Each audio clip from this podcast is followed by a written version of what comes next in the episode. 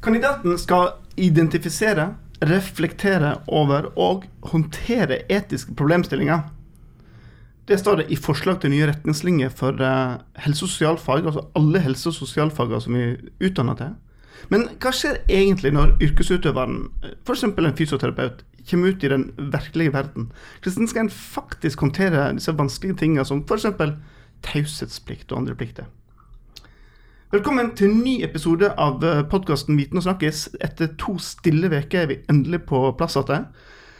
Og med meg i studio har jeg i dag hele tre gjester. Det er helt, helt stappfullt rundt meg her. Begynner til høyre. Karen Synne Groven, førsteamanuensis på Institutt for fysioterapi. Velkommen. Takk. Og så har vi da din kollega Tone på Dahl Mikkelsen, også førsteamanuensis på samme institutt. Velkommen. Takk. Og så har vi med oss en, en ekstern, en, en ikke-Oslo-mett person. Einar Odland, velkommen. Takk. Du er dosent, dosent på VID. Og VID, hva, hva er det igjen? Det er det tidligere Diakonhjemmet, som nå heter VID vitenskapelige høgskole. Nettopp. Og har slått seg sammen med noen avdelinger i, på Vestlandet. Ja. ja. Og dere tre har skrevet bok sammen, og, og nettopp kommet ut med bok, så, så, gratulerer til alle tre. Takk for det. Takk. Veldig stas. Uh, og, og, i den boka så skriver dere om um, etikk, og ikke bare etikk, men profesjonsetikk. Uh, og Før vi drar, uh, kommer i gang med, liksom, går inn i etikkens verden, så tenkte vi skulle begynne med et, uh, et case. Tone, du drev og snakka om, om, trampoline. Hva, hva, historie har du? Ja, Vi har et case i boka som heter 'Karsten og, og trampolinen'. Og ett poeng i boka har vært at um, Eh, disse casene som vi har, at de er fra ergoterapi og fysioterapi. Eh, og da er det ofte sånn at det ikke nødvendigvis er de store spørsmålene om død og liv, men det er mer disse eh, dilemmaene som kan være litt eh, vanskelig å få øye på i starten, men der det er noe som står på spill. Og ett eksempel på det er historien om Karsten og trampolinen. Og Karsten er en gutt på åtte år som har muskeldystrofi. Det er en progredierende tilstand. Så fysioterapeuten vet at på et eller annet tidspunkt vil han eh, få bruk for rullestol, men han vet ikke når det, når det vil skje. Og det er viktig å finne aktiviteter som både kan gi trening for Karsten, men som også kan gi bevegelsesglede. Og det aktuelle nå det er at familien har anskaffet seg en trampoline. Og Karsten er eh, veldig glad i å hoppe på trampolinen. Og, eh, og mor forteller, at, forteller, dette, at han er så glad i å hoppe på denne trampolinen. Men fysioterapeuten hun er bekymret for at Karsten skal skade seg når han hopper på trampolinen. At det, han skal få kompresjonsfrakturer og uheldig belastning på ankelen. Dette informerer hun mor om. Og når hun gjør det, så ser hun at, at mor blir veldig trist eller endrer uttrykk, og fysioterapeuten også kjenner inni seg at hun blir litt urolig. Um, og moren sier da på en måte, ser bort på Karsten sønnen sin med et veldig trist blikk og sier at hun vil ikke nekte han å hoppe på trampolinen. Så da, hva skal fysioterapeuten gjøre i denne situasjonen? Mm.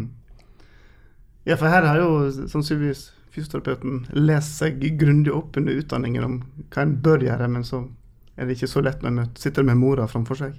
Ja, det vil være liksom at på den ene siden så står det på spill dette med, med autonomi. Sant? At mm. pasienten, eller i denne sammenhengen eh, eh, foreldrene, de skal på en måte få bestemme selv. Men så er det også dette prinsippet om eh, ikke skade. Mm. Eh, og der hun har kunnskap som kanskje foreldrene ikke har samme type kunnskap. da. Men så blir det et dilemma hvor sikker er den kunnskapen. Og dette med bevegelsesglede er jo også også viktig. Så da, da, er det liksom ikke så lett å vite hvordan en skal håndtere det. Og ulike fysioterapeuter vil kanskje komme frem til ulike, ulike um, valg. Det er mm. ikke noe sånn enten-eller. Så her, Einar, her har vi en fagperson ute i det virkelige liv med haugevis med dilemmaer mm. en skal ta hånd om. Du har noen ideer og til og med lage noen sånn verktøy for å prøve å hjelpe til? Ja. Ja, egentlig så er jo dette også et spørsmål om verdier. Når du er i tvil om eh, hva du skal ta hensyn til, så er det verdiene dine som da driver og rører på seg og kanskje kolliderer. Og det som er eh, hovedpoenget i denne boka og vår innfallsvinkel til profesjonsetikk, det er rett og slett å kunne sortere verdier på en ryddig måte, sånn at eh, det skal bli litt orden i kaoset. For du kan få eh, skikkelig sånn uh, surrete hode når alt bare rører seg rundt og rundt, og du ikke veit hva du skal gjøre. Så det er et hjelpemiddel for å kunne sortere når du er i tvil. Og der du ikke får hjelp av lover og regler og, og, og entydige uh, instruksjoner. Da. Mm. Så da har vi laga uh, Vi kaller det refleksjonsmodeller. Som da skal være en slags uh, formal veiviser til hvordan man skal kunne rydde argumentene. Og den er veldig enkel. sånn at, enkelt, ja? Ja, egentlig så, er det det. Uh, vi har fem punkter da, i denne refleksjonsmodellen. og Det første er å greie å, å, finne ut av hva er det som er hoveddilemmaet. Hva er de tyngste valgalternativene som du står overfor? Og I Karstens tilfelle så vil jeg tro at det er skal jeg insistere på at han må slutte å hoppe på trampolinen? Mm. Eller skal jeg da gi mor og Karsten uh, den myndigheten til at de kan få velge dette selv? Mm. Og da har du sortert. Skal jeg gjøre det ene, eller skal jeg gjøre det andre? Og så, for å hjelpe på denne ryddinga, så prøver vi å identifisere involverte personer. Og da er det alltid sånn at folk har ulike meninger om hva som er best. Karsten og mor har ett synspunkt. Fysioterapeuten er midt imellom og vet ikke hva han skal velge. Men kanskje eh, kollegaer til fysioterapeuten vil være opptatt av at hun må insistere på at Karsten ikke skal få lov å. Og da vil det være et argument for uh, det ene alternativet. ikke sant? Så Derfor så er involverte personer en, eh, en synliggjøring mm. av verdier.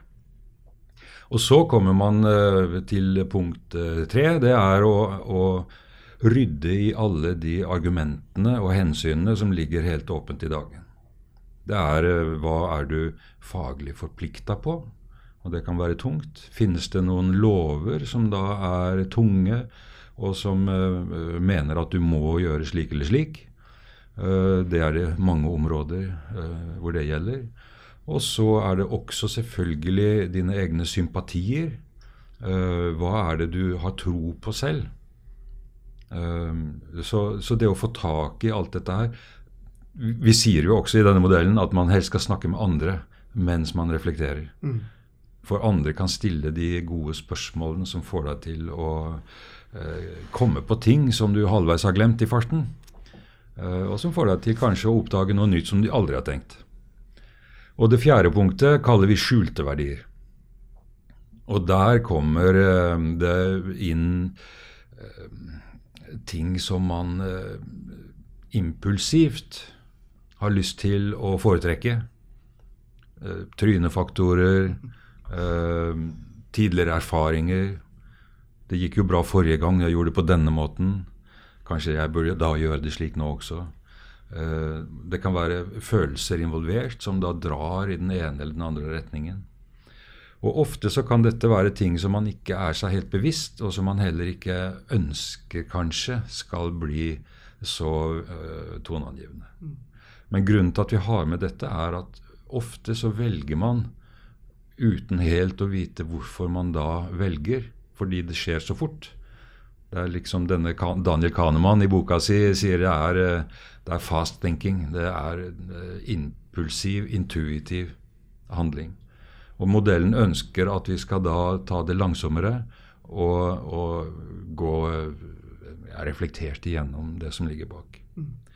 Og har man da organisert alt det man nå har snakket om og tenkt på, uh, som argumenter for det ene eller for det andre, så får man en liste på hver side som man da kan uh, synliggjøre. Og det siste punktet er da å rangere. Og, og konkludere til slutt, kanskje. Og da konkluderer man ved altså dette veier tyngst. Så uh, ofte når jeg underviser, så tegner jeg opp ei skålvekt. Og så legger jeg argumentene på skåla på hver sin side. Og så ber jeg den som presenterer problemet sitt, om å, å prøve å veie argumentene. Og se hvilken skål er det som da veier tyngst. Mm, mm. Og det er ofte litt frigjørende, for da slutter man og slipper å tenke mer på det alternativet som kanskje er litt mindre tungt enn det man velger til slutt. Og det er hele modellen. Vi har prøvd ut denne modellen synes jeg nå i, i høst i undervisningen, og eh, syns at vi har hatt gode erfaringer med den. Det blir litt det Einar sier også, at du, du får liksom sett at, at, noen grupper vil jo da kanskje komme frem til ett svar, og så vil en annen gruppe komme frem til et annet svar. Så de får liksom det mener vi er et hovedpoeng med boka, at de i utdanningen får liksom denne sjansen til å tenke langsomt med Kannemann. Eh, fordi at det går så raskt ute i, ute i virkeligheten. Eh, og det å ha fått anledningen i utdanningen da, til å bli mer klar over hvilke verdier de faktisk har. Eh, og man har jo, som Einar sa i sted, kanskje ikke bare én verdi, men det, hvilken veier tyngst. Det å på en måte hjelpe de litt i den, som kan kanskje gjøre at det blir lettere å stå i disse situasjonene. For det er jo ikke sånn at det er enkle valg. Eh, mm. Det er jo ofte sånn at verdibegrepet det, det lager litt sperre. Mm. Det, hva er en verdi, og hvilke verdier har du? Mm. Da blir folk ofte litt uh, flakkende i blikket. Så, men det er allikevel et begrep som da uh, markerer det som er aller mest betydningsfullt for deg. Og som kanskje først og fremst kan uh, erkjennes via følelser. Hva er det som gjør deg glad? Jo, det er bekreftelse av verdier som du er glad i. Og hva er det som får deg sinna? Jo, det er provokasjon mot det du ser på som viktig. Mm. Og, og, magefølelsen er en slags termometer på egne verdier. Og Derfor så er det ofte at begrepet ikke er brukt i undervisningen i profesjonsutdanningene. Men det er en massiv innlæring av verdier. Snakker ofte om forforståelse. Når Jeg tenker Det begrepet er nok eh, mer kjent for studentene. Altså Hva slags forståelse har de med seg inn på studiet? Eh, mange av de har jo idrettsbakgrunn, i hvert fall av fysioterapeutene. Har gode erfaringer med å, å eh, drive med idrett. Mange av de har vært veldig suksessrike. Eh, andre har kanskje opplevd skader, utfordringer i sin idrett. og dette vil jo være med på å forme forforståelsen når de kommer inn. og så er det jo da når de da kanskje møter pasienter som har andre erfaringer. Hvordan skal de forholde seg til det? I utfordrende situasjoner. Møte pasienter som ikke har lyst til å trene, som ikke liker å trene, som kanskje er store, eh, veier mye, altså er overvektige. Eh, så her blir nok studentene utfordra og, og, kan møte situasjoner der, eh, der ja, etikk kommer inn, da. Men, men i, kan en på en måte lære dette under utdanningen, eller må dere bare si at dere må vente til dere kommer ut i verden for å virkelig oppleve dette her? Jeg tror at uh, de kan lære mye på utdanningen. Ikke bare tror, det har jeg erfart også. Det er jo det å møte pasienter, lære teori som belyser uh, ting fra ulike perspektiver. F.eks. det å veie personer med overvekt og fedme.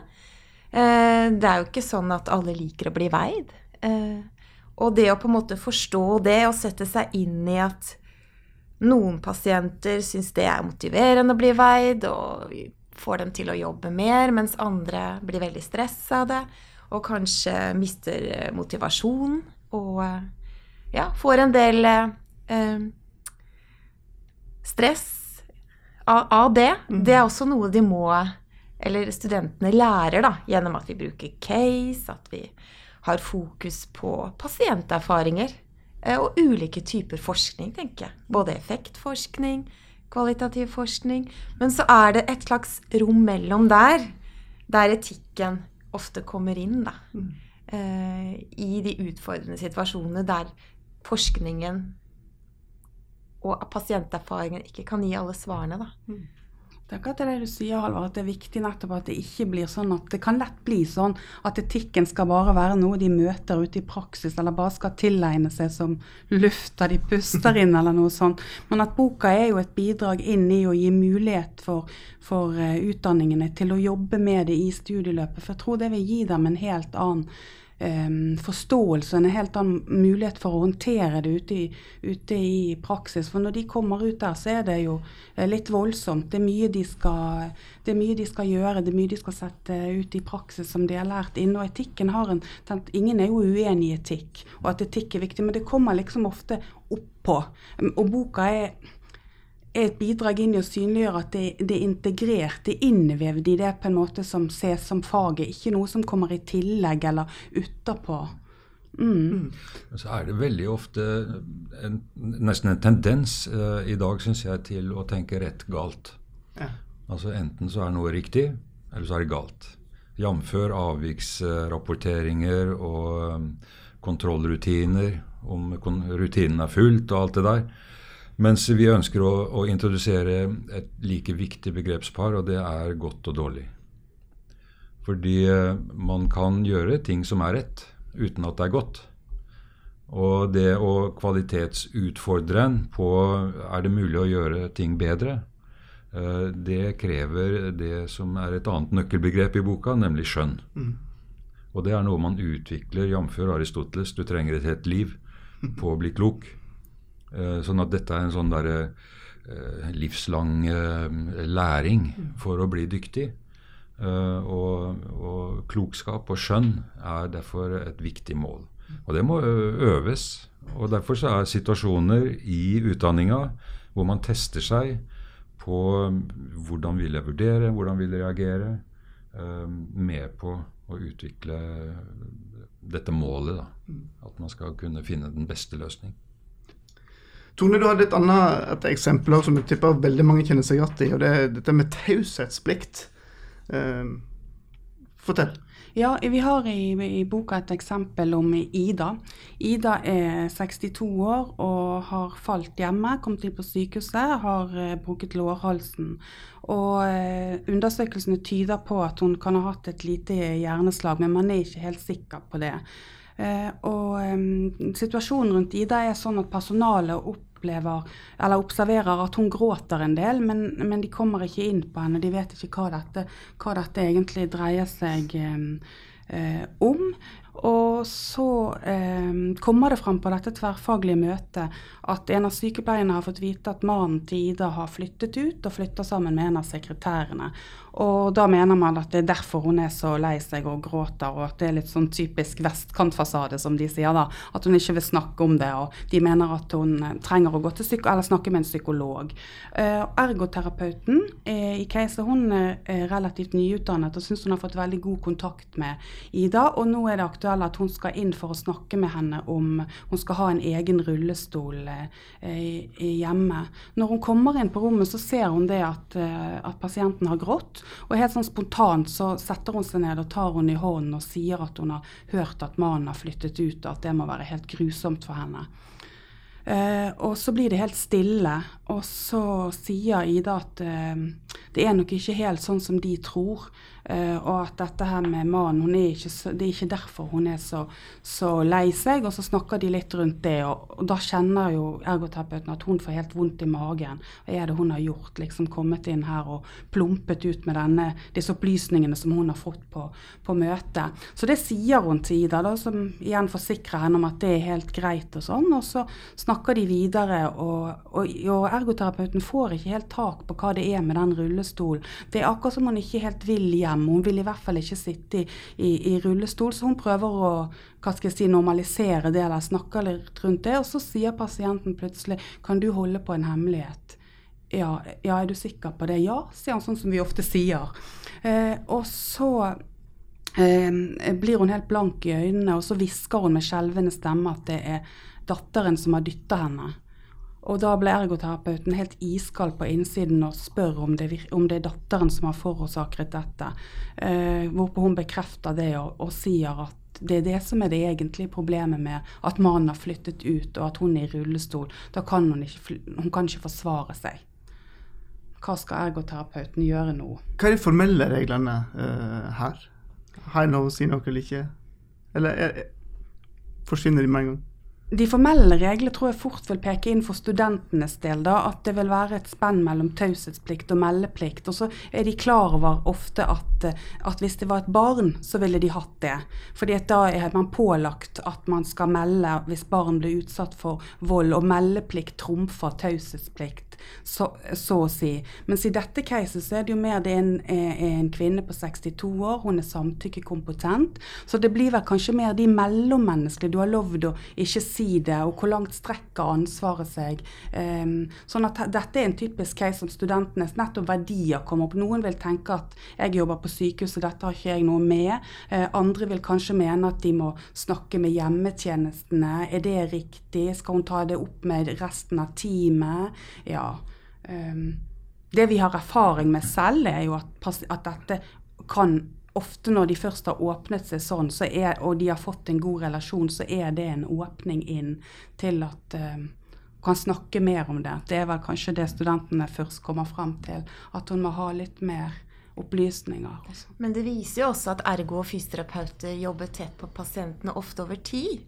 Så de får jo en, ofte en tett relasjon til pasientene. Mm som gjør at uh, disse grensene mellom uh, ja, hva, som, hva, det snakkes om, og dette med privatliv, uh, litt sånn personlige erfaringer, kan, kan komme inn i samtalen da, etter hvert.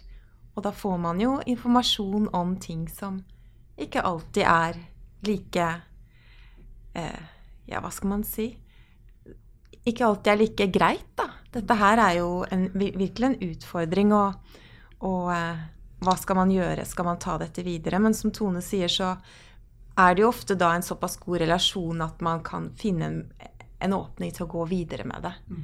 Og så hjelpe pasientene selv på en måte ta dette opp, sånn at uh, ja, Men de vil typisk finne... komme, komme, inn på sånne situasjoner, altså at de får diskutert det med at eh, Sånn som du sier, det med, med jussen og, og retningslinjen, det er jo viktig. Og det, det, får de gjerne opp dette med barn, som er et, et eget område. Men, men, det er det jo ikke i denne saken. Men det vil være sånn, ja skal de, skal de ringe, skal de følge henne opp etter at hun er utskrevet fra sykehuset, skal de gi telefonnummeret sitt? Altså sånne ting. Og man ser jo det at studentene eh, vil løse dette på helt ulike måter. Og nettopp det er kanskje viktig å få, få diskutert i utdanningen. For da får de høre en annen som kanskje ville sagt at nei, det ville ikke jeg gjort fordi sånn og sånn. Da går man over grensene med eget privatliv og altså terapeuten sitt eh, liv. Pasientene skal ikke ringe deg hjem etter jobb. Altså det å få diskutert sånne ting. For det faller ofte litt ut, da. Mm. Det, det tror vi kan ha noe for seg. Mm. Men, men, du var inne på dette med personlige relasjoner her, som i enkelte tilfeller ville være tettere. Mm. Men er ikke det noe som kompliserer det hele? Eh, dette med personlige relasjoner, hvor, hvor de grensene går? Når ja. en òg skal etter hvert eh, konkludere etter å ha gått gjennom eh, modellen? Ja, absolutt. Det å kjenne de grensene og, og være bevisst på de grensene, det, det, er jo viktig. Og hvor går de? Og, og, et eksempel på det i boka er jo at vi tematiserer dette med eh, seksuelle grenser i forhold til at eh, man også kan utvikle relasjon, en relasjon med pasienten. Eller at eh, det har vært saker på det, da. Og at fysioterapeuter spesielt er, er kommer opp i sånne situasjoner, da. Mm. Det viser vel statistikk at de er over, ikke overrepresentert, men at at uh, Ja, sammen med legene og psykologene så er det jo det. Og fysioterapeutene kommer jo veldig tett på. De har, har, det eksplisitt i eh, de etiske retningslinjene. At de ikke skal innlede seksuelle relasjoner til pasientene. Og at samtykke ikke, ikke fritar. Da har vi hatt en del eh, interessante saker. men vi er mest opptatt av at dette ikke er tematisert i utdanningene. Eksempelvis sånn som at det er helt alminnelig at pasienter blir tiltrukket av terapeuten. Og det, det krever jo at, at, de som nyutdannede terapeuter er, er klar over det. Uh, vi har også en sånn case som er på en måte en, en mann som uh, kommenterer på en kvinne, ung kvinnelig fysioterapeut eh, om kroppen hennes og at hun har så deilige hender og den type ting. Hvordan skal studenter eh, nyutdannede, håndtere sånne type ting? Det er viktig å, viktig å diskutere. Og vi har også en case med en mannlig fysioterapeut som blir er litt betatt av pasienten sin, de er på samme alder og får god kjemi. Hvordan skal han håndtere det? Jeg tror at det er viktig at sånne ting tas opp i utdanningen, for, og at ikke det bare De fleste fysioterapeuter mm, som jeg har møtt, blir veldig overrasket. De er ikke engang klar over at vi har det eksplisitt i retningslinjene. Det er et litt sånn eh, taust tema. Mm. Det, det, er, det, er, jo selvfølgelig en spenning i dette her, fordi samtidig så er jo alle som driver med mennesker i sitt yrke, de eh, legger jo veldig vekt på den gode relasjonen, og at det er en verdi i seg sjøl. Mm. Uh, og at den er helsebringende. Ja. Og hvis den relasjonen blir for god, så tråkker du over ei linje som da er uh, absolutt ikke bra. Så amatør betyr vel den som elsker. Mens den profesjonelle skal også være en som elsker, men på avstand. Mm. Men det er klart, her er det jo det er vanskelige grenser her i forhold til også hvor personlig skal man være sjøl som terapeut. Eh, når er, bikker det over til at man eh, er uprofesjonell i forhold til det? Her er det jo ingen enkle svar, men jeg tenker at det som er viktig, er jo at studentene reflekterer over det og diskuterer det sammen med andre, sammen med lærere med kompetanse på etikk. Så at de blir mer bevisst på det da, i mm. forhold til de utfordringene de kan komme opp i, og, og når de kommer opp i det, at man også har en mulighet til å diskutere det og reflektere over det da. For jeg tror det er viktig, for det er det de har meldt litt tilbake til oss, at sånn som det er organisert eh, eller har vært hittil. Så når de har etikk i sånne fellesemner, så blir det lett de store spørsmålene med liv og død og abort og aktiv dødshjelp, som studentene gjerne vil diskutere og syns det er fint. Men da, da, savnes den biten som på en måte er profesjonsspesifikk.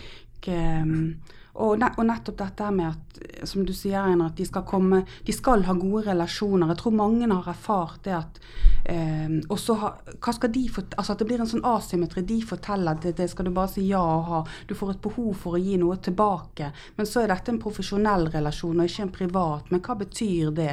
Og sånne ting som at hvis de da skal si tilbake, så eh, eh, det er i hvert fall sånn jeg ofte veileder studenter på å høre at de forteller ting fra sitt eget liv.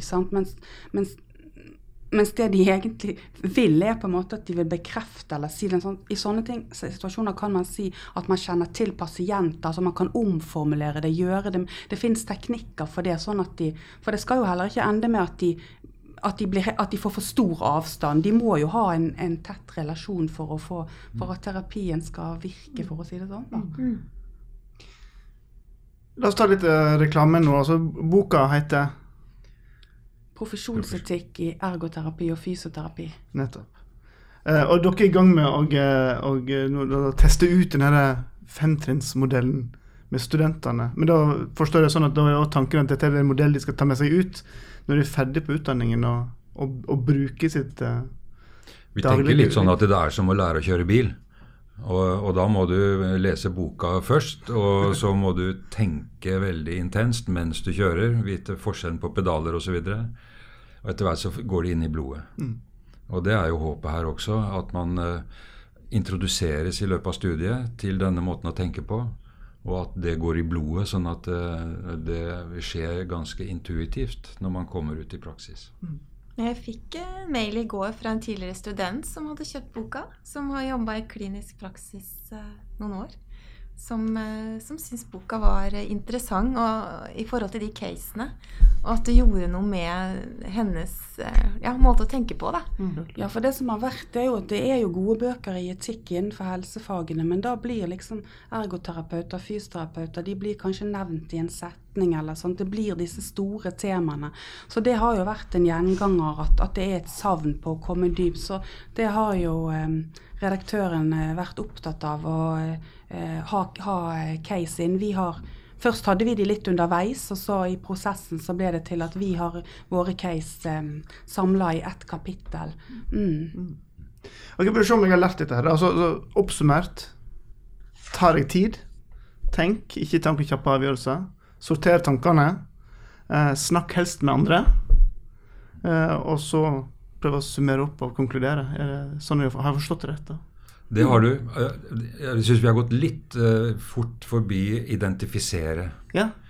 Fordi uh, det, det, er liksom det å, å, skjerpe oppmerksomheten og bli sensitiv på at det kan ligge eh, etiske eh, utfordringer, eller valgkvaler, eh, skjult et sted hvor du ellers bare gjør det på rutine, og hvor du går fort av gårde.